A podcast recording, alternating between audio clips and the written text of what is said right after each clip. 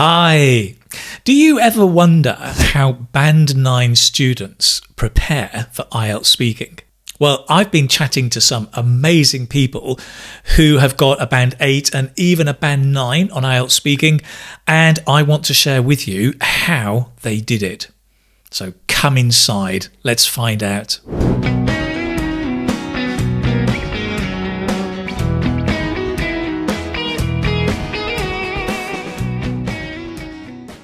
So, my name is Keith. Um, I run the website www.keithspeakingacademy.com, um, helping you, well, speak better English, give better answers, and get a higher score on IELTS speaking. So, today I'm going to tell you how Band 8 and 9 students prepare for IELTS speaking. What is it they do? What is it they think? Um, I think it's really interesting to find out. I'm going to couple that together with the band descriptors and what they tell us, what IELTS tells us about being a band 9. Now, a word of warning this really is for advanced level students. I think if you're a band 7, it's a great goal to go for 8. If you're a band 5, your goal should be the next level up, band 6. So this really is for high level students. So if you're a band five or six, turn off now, go away. well, you can stay if you like. It might be interesting to find out, right, how these um, higher level students who achieve band nine, how they think and what they do. Now, in addition, today I have a bit of a special surprise because I am going to do today together with our or my no our it's our video with our sponsors, Cambly. We're going to do a lucky draw. Now, if you don't know Cambly, they are a fantastic online platform where you can find native English speaking teachers to give you one to one classes. Um, you can practice speaking, practice your fluency, practice your IELTS questions and answers if you like. Um, it's a great quality platform. I love what they do. Um, they very kindly sponsored this video. They also have online courses, um, which you can access on your computer, on your phone, um, even for IELTS as well. So, definitely worth looking into. But today, Cambly and myself, we are going to do a lucky draw and choose one person, and that could be you, to get 60 minutes for free on Cambly, which could be fantastic. Right, you could do a mock test, you could do some practice, you could ask lots of questions to the teacher that you choose. Now, this is for not only um, new users, but existing users on Cambly. All you have to do, right, is comment on this video. Tell me something that you agree with or disagree with, if you like, or something that you like in the video, just leave a comment. All of the names will be taken, put into a big box, spun around, spun around, and I'll choose a name, and that person will win the lucky draw 60 minutes free on Cambly with a native English speaker. That's it. Great.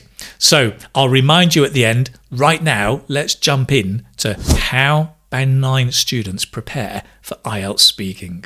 So, first of all, oh, by the way, just one thing, right? As I've chatted to these students, um, what I'm about to tell you is not true for 100% everybody at Band 8 and Band 9. Um, you know, students can be a little bit different, they don't all do the same things.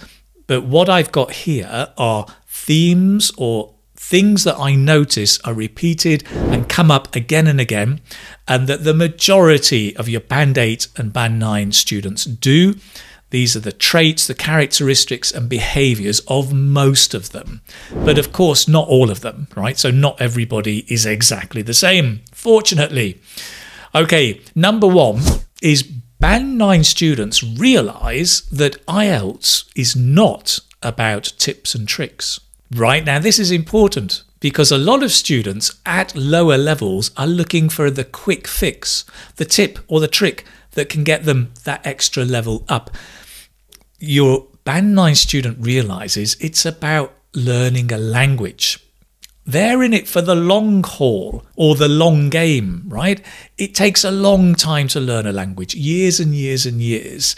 So, whilst you may pick up a few tips and tricks on the way, really it's about learning English over a long period of time.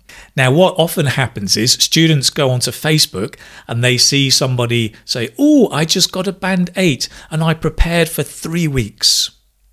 But what they don't know is that that person has spent years and years and years working and developing their English level up to the Band 8 level and has probably just spent three weeks looking at exam technique.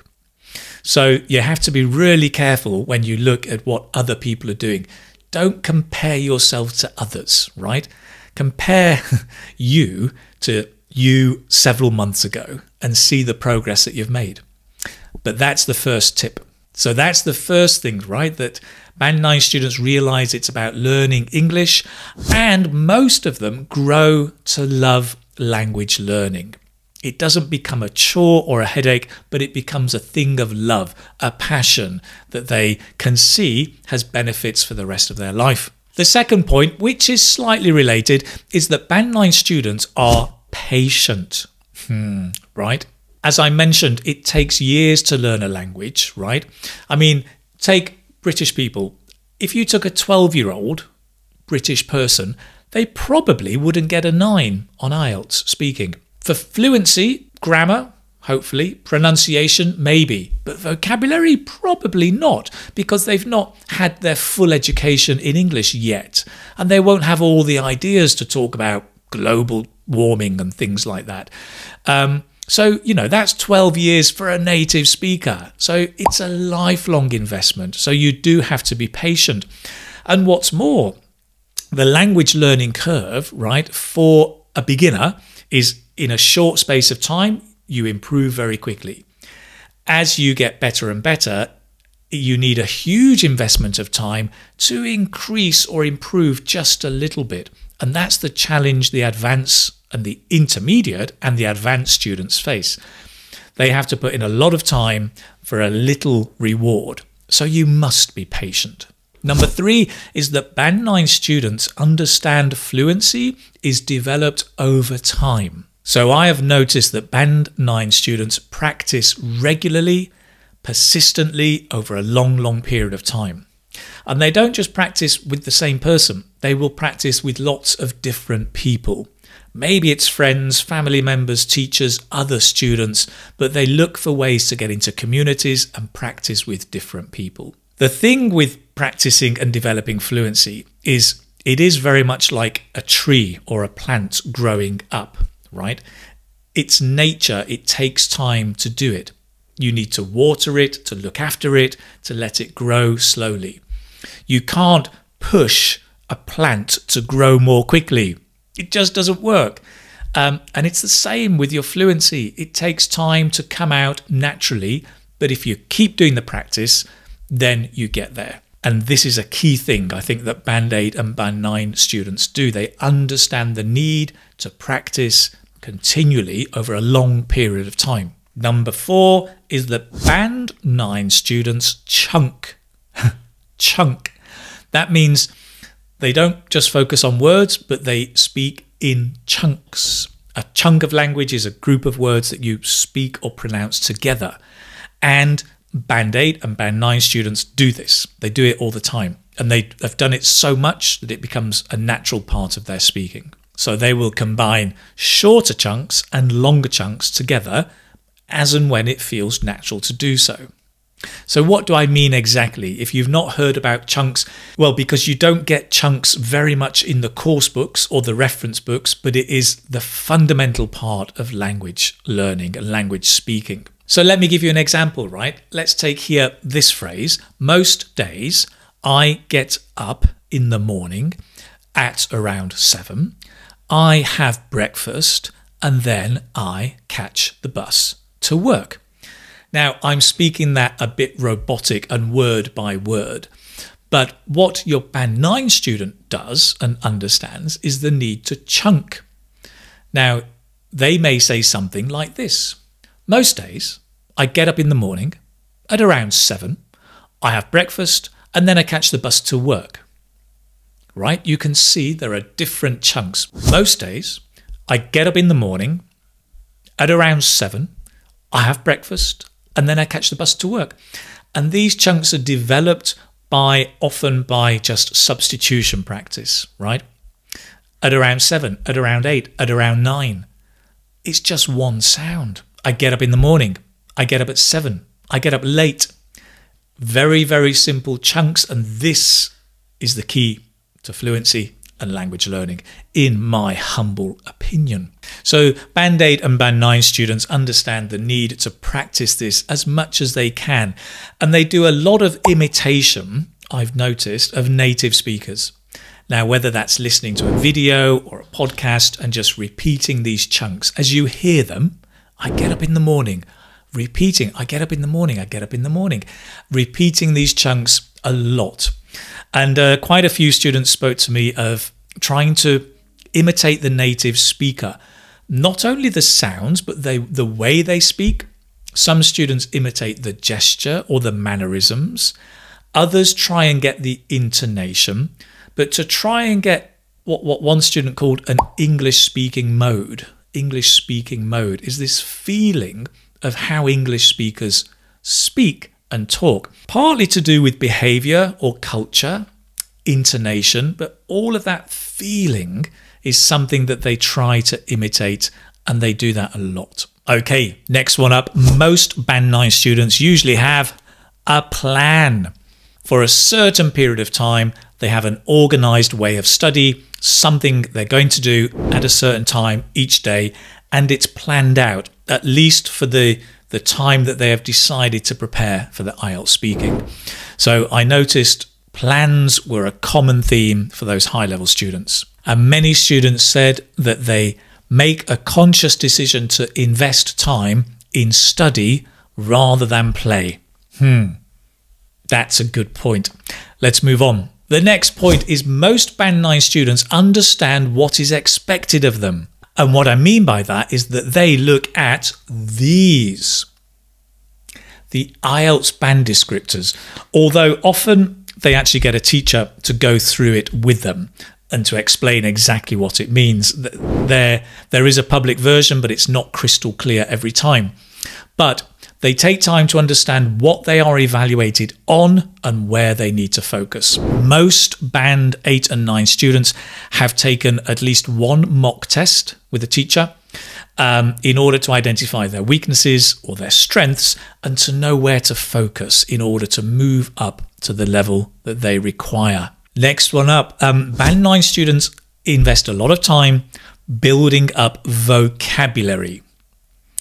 And this is really interesting um, because, as I mentioned before, with the 12 year old British kid, whilst your fluency, pronunciation, and um, grammar take a long time to develop, vocabulary is the one area you can probably make the biggest impact in the shortest time if you remember my interview with Steve, Steve Kaufmann, um, the polyglot, right? He said it's all about vocabulary. In fact, there are whole teaching methods, the lexical method, based on vocabulary, saying that, you know, the grammar is all well and good, but the key to language learning is vocabulary. And how does your Band 9 student develop that vocabulary?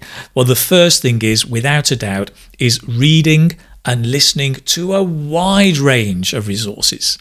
Not just the course book that they have, not just the same films on Netflix, but a wide range of things. So, videos on how to cook, on how to train a dog, on, on, on places to have a picnic, um, mag- magazine articles on furniture, interior design, scientific, the scientific journal on space exploration, reading and listening really widely widely is so important not just for the topic but for the vocabulary that's connected to that topic. So this huge desire to read and listen widely is very very common. And your band 9 student understands that you need to learn vocabulary in context. So just having word lists is okay, but you need to have got them from a context so you know how to use them. And it seems they have this kind of curiosity, this sense of being curious about language vocabulary and the different ways it can be used. And one of the things I have talked a lot about with Band 8 students is um, the different uh, connotation or nuance that a word can have. And it's so important to understand the nuance because that again is where your the examiner will differentiate a 7 and 8 and 9 is that do they really understand the nuance or the connotation of different words. So, for example, when a student came up to me like several weeks ago and said, Keith, it's great, um, your videos are really notorious. And I said, What? What's happened? Why? He said, Well, no, that's great. I mean, you're becoming famous. I said, Whoa, whoa, whoa, wait a minute. What do you mean? Famous or notorious? And he said, Well, it's the same. Ah, I said, no, it's not. Notorious has a very negative connotation. That's when you're famous for something bad that you've done. Famous is just neutral. Oh, so different words have different connotations, right? And I have, okay, a pet hate I'm going to tell you about. When I started using Instagram, I honestly didn't like it because I kept seeing lots and lots of these memes showing synonyms, a bit like this one, right? So, synonyms curious, nosy, old, ancient, right? Well, okay, they may be synonyms, but the big problem is it doesn't take into account the context and the connotation, right? You can't say, I bumped into an ancient man in the street, right?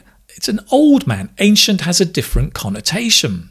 We use that normally for buildings, for example. Or if I'm out with my wife and we're shopping and she's being very careful with her money, I may, I may say, oh, you're, you're being thrifty today. But, whoa, woe betide if I say you're being stingy today, because that is not a synonym.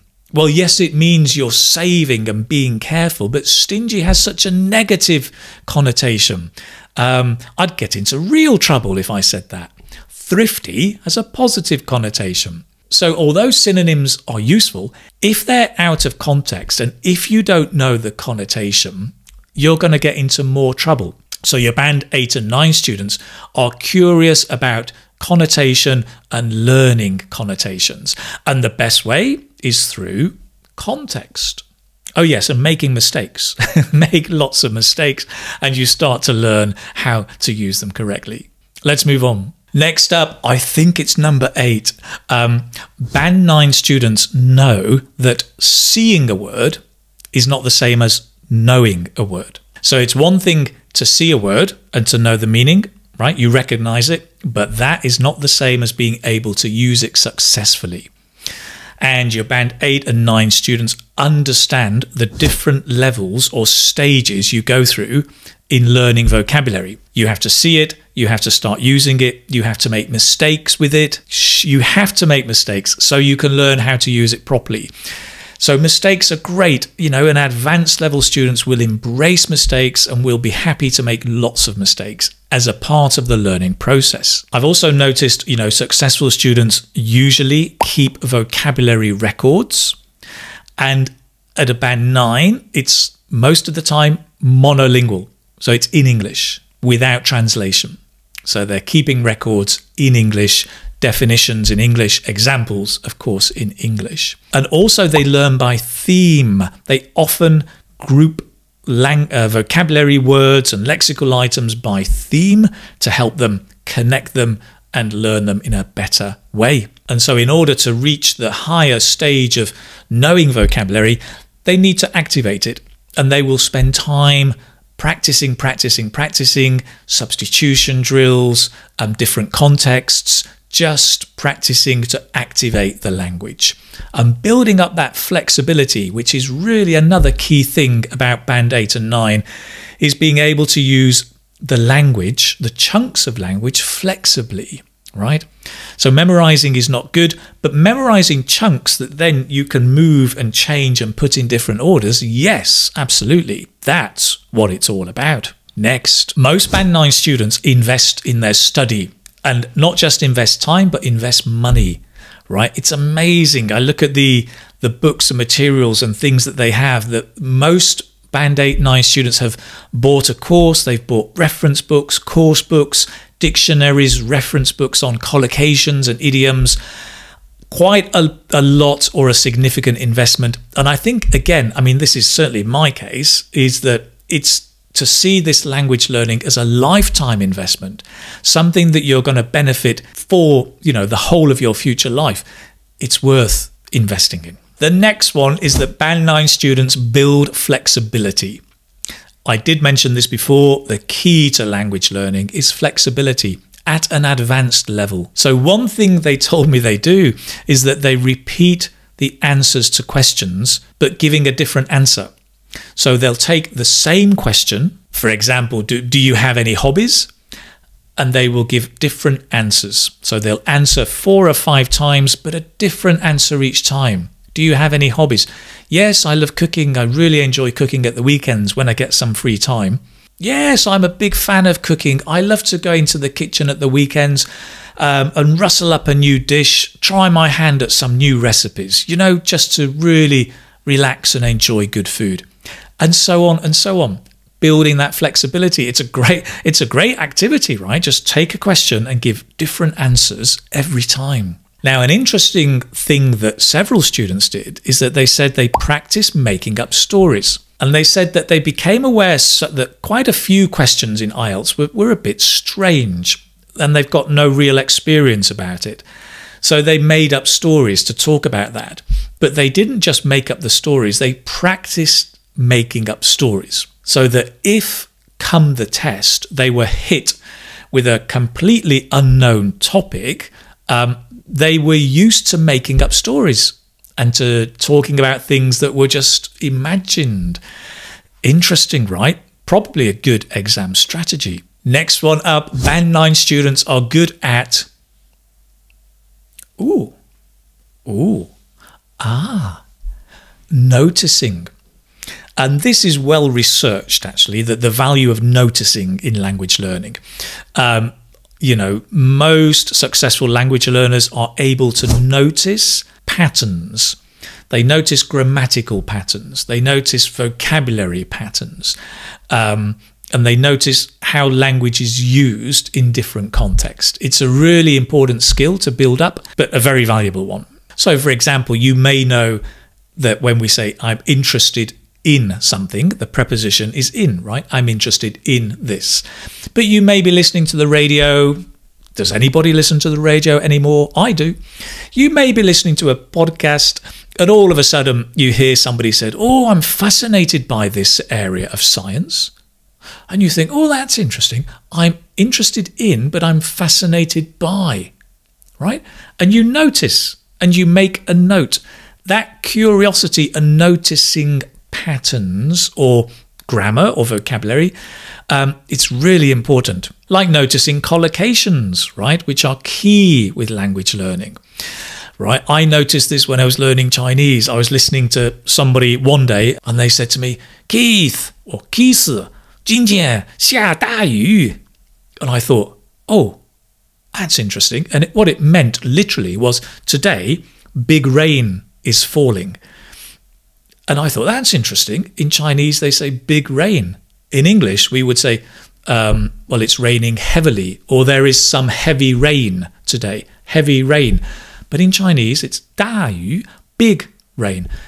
And just noticing, right? That is the first step to learning really deeply the language. Now, the next one, this is interesting. This is something I recommend a lot, and I was surprised and pleased. I wasn't surprised, I was extremely pleased that actually Band 9 students do this, and that is to record themselves.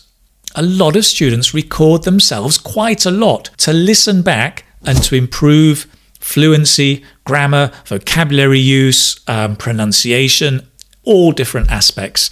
And some students even listen, you know, they go through this cycle two or three times to get better and better. Of course, I think that the reason this works really well is you're getting feedback. So when you have a teacher say, oh, that's not right, it should be like this. When you're listening to your recording of you, it's the same. You're getting feedback going, oh, that's not right. I shouldn't have said that. I should say this. So that feedback you can get from recording yourself. Now, the next one I'm including, although only some Band 9 students say they do this, um, and it's about grammar. I think actually a, a, lot of advanced level students in, in the test, they don't think too much about grammar. They just go with the flow. They get into a flow and they start speaking and they just let it come out. However, I thought it was interesting that a few people said that they actually so practice using complex grammar. So they take certain complex grammatical structures and they look for opportunities to use it in their practice. Now, as a teacher, I also think this is an interesting practice technique. Um, but I, I would emphasize that if you find it easier just to speak naturally and get into the flow, then do that. But if you want to practice this, you can. So here's a few examples, right? Let's take the third conditional, right? Is a, more complex tense. If I had known that you were going to go, I wouldn't have gone. no, no. Um, but if I had known da da da da da, I wouldn't have da da da da da, right? So I think especially in part two, when you're thinking of stories, events, and uh, describing activities, um, you may be looking for a way to use that kind of structure. Another one is the present perfect and present perfect with modals as well, right? So, for example, I've been to Paris. Um, oh, it must have been about four years ago, right? So, I have been to Paris. It must have been about four years ago. So, you can take that structure. I have done something. It must have been da, da, da, ago, right? Interesting. Another one, just for you, is the past perfect. I had never been there before, right? I've been to Paris. I had never been there before. Um, so that structure, I had never mm, before. I had never done that before. I had never taken one before. So, using that past perfect to describe something that happened before the point of the story in the past is, is interesting. So, you can take these kind of templates, complex grammatical structures, and look for ways to integrate them into your part two talks or stories. Yes, you can. You don't have to, but you can. Next up, right, we're at the last one. Phew.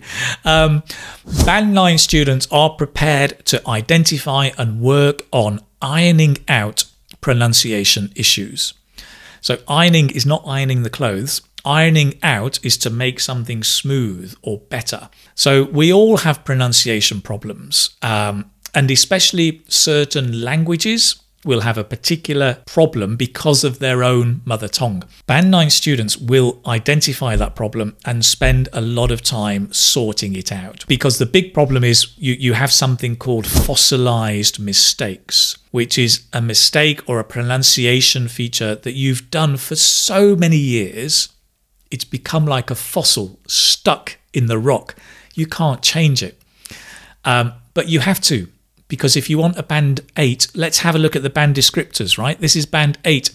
Uses a wide range of pronunciation features, sustains flexible use of with only occasional lapses. So you have to be able to use it, sustain its use with just one or two mistakes. But if you're repeating these pronunciation mistakes again and again through a 15 minute test, well, 11 to 14 minutes, then you're going to be in trouble right? You're not going to get a band eight. So, spending time, the best way I think is either through a mock test or with a teacher who says, listen, you know that you're saying, it's not right, and you need to fix that. And then really working on it through repetition, recording yourself, practicing. Maybe do a pronunciation course if, if there's a lot of different areas to look at. Don't worry about accent, right? Notice that the, the band descriptors say L1 accent has a minimal effect on intelligibility. So your mother tongue accent will be there, that's fine, so long as it doesn't affect your intelligibility, how you are understood. Right, my friends, that's it. I think we've had like 110 different things that Band 9 students do. Quite a lot. I'm very, very interesting. Again, this is not everybody, but this is what a lot of your Band 8, Band 9 advanced students do So there's something to learn, right? Some of these you may want to pick up and start doing yourself. Now then, let me take a moment to remind you of two things. Two things bad connotation, good connotation. Go and ask a British man if you don't know that. Um, two things is the first one is just to remind you, my fluency course, Fluency for IELTS Speaking, is up and live. It's on Udemy. The link is down below. If you're looking to improve your fluency, go and check it out. It may be what you need. And the second thing, much more exciting, is the lucky draw together with Cambly, who are sponsoring this video. Um, thank you very much, Cambly. It's this online platform where you can find native English speaking teachers to help you improve, well, practice and improve your speaking. You can record your one to one sessions. There's even, even translation in the chat when you're chatting to each other. Um, and there are courses that they have as well. But more important is that we are doing a lucky draw. So all you need to do is to comment on this video. Tell me something that you learned or liked or even disliked or agreed or disagreed with. Just give me a comment, make it interesting. Um, and everybody who comments will go into the big pot or the big hat for the lucky draw. You have got two days to do this. So today is Sunday, 1st of November. Happy Halloween, by the way. Um, You've got two days. So by Tuesday, the 3rd of November, um, at 10 o'clock in the morning, Spanish time, it'll close. I'll stop the competition. I'll take all the names and I will let you know through the community tab um, who the winner is, also through my Facebook group. And obviously, I will uh, contact that person or get them to contact me one way or another. We will find ourselves in the Ethernet and you will win 60 minutes of free Cambly time with the teacher of your choice. That's it. Guys, thank you very, very much for watching today's video. I hope it has been um, interesting, useful, and a learning experience, as well as a bit of fun for you. If you're taking the test in the coming days, best of luck to you. And if you've enjoyed the video, please do remember to subscribe, turn on notifications, remember to comment for the lucky draw, and I will see you very, very soon. Take care now. Cheerio.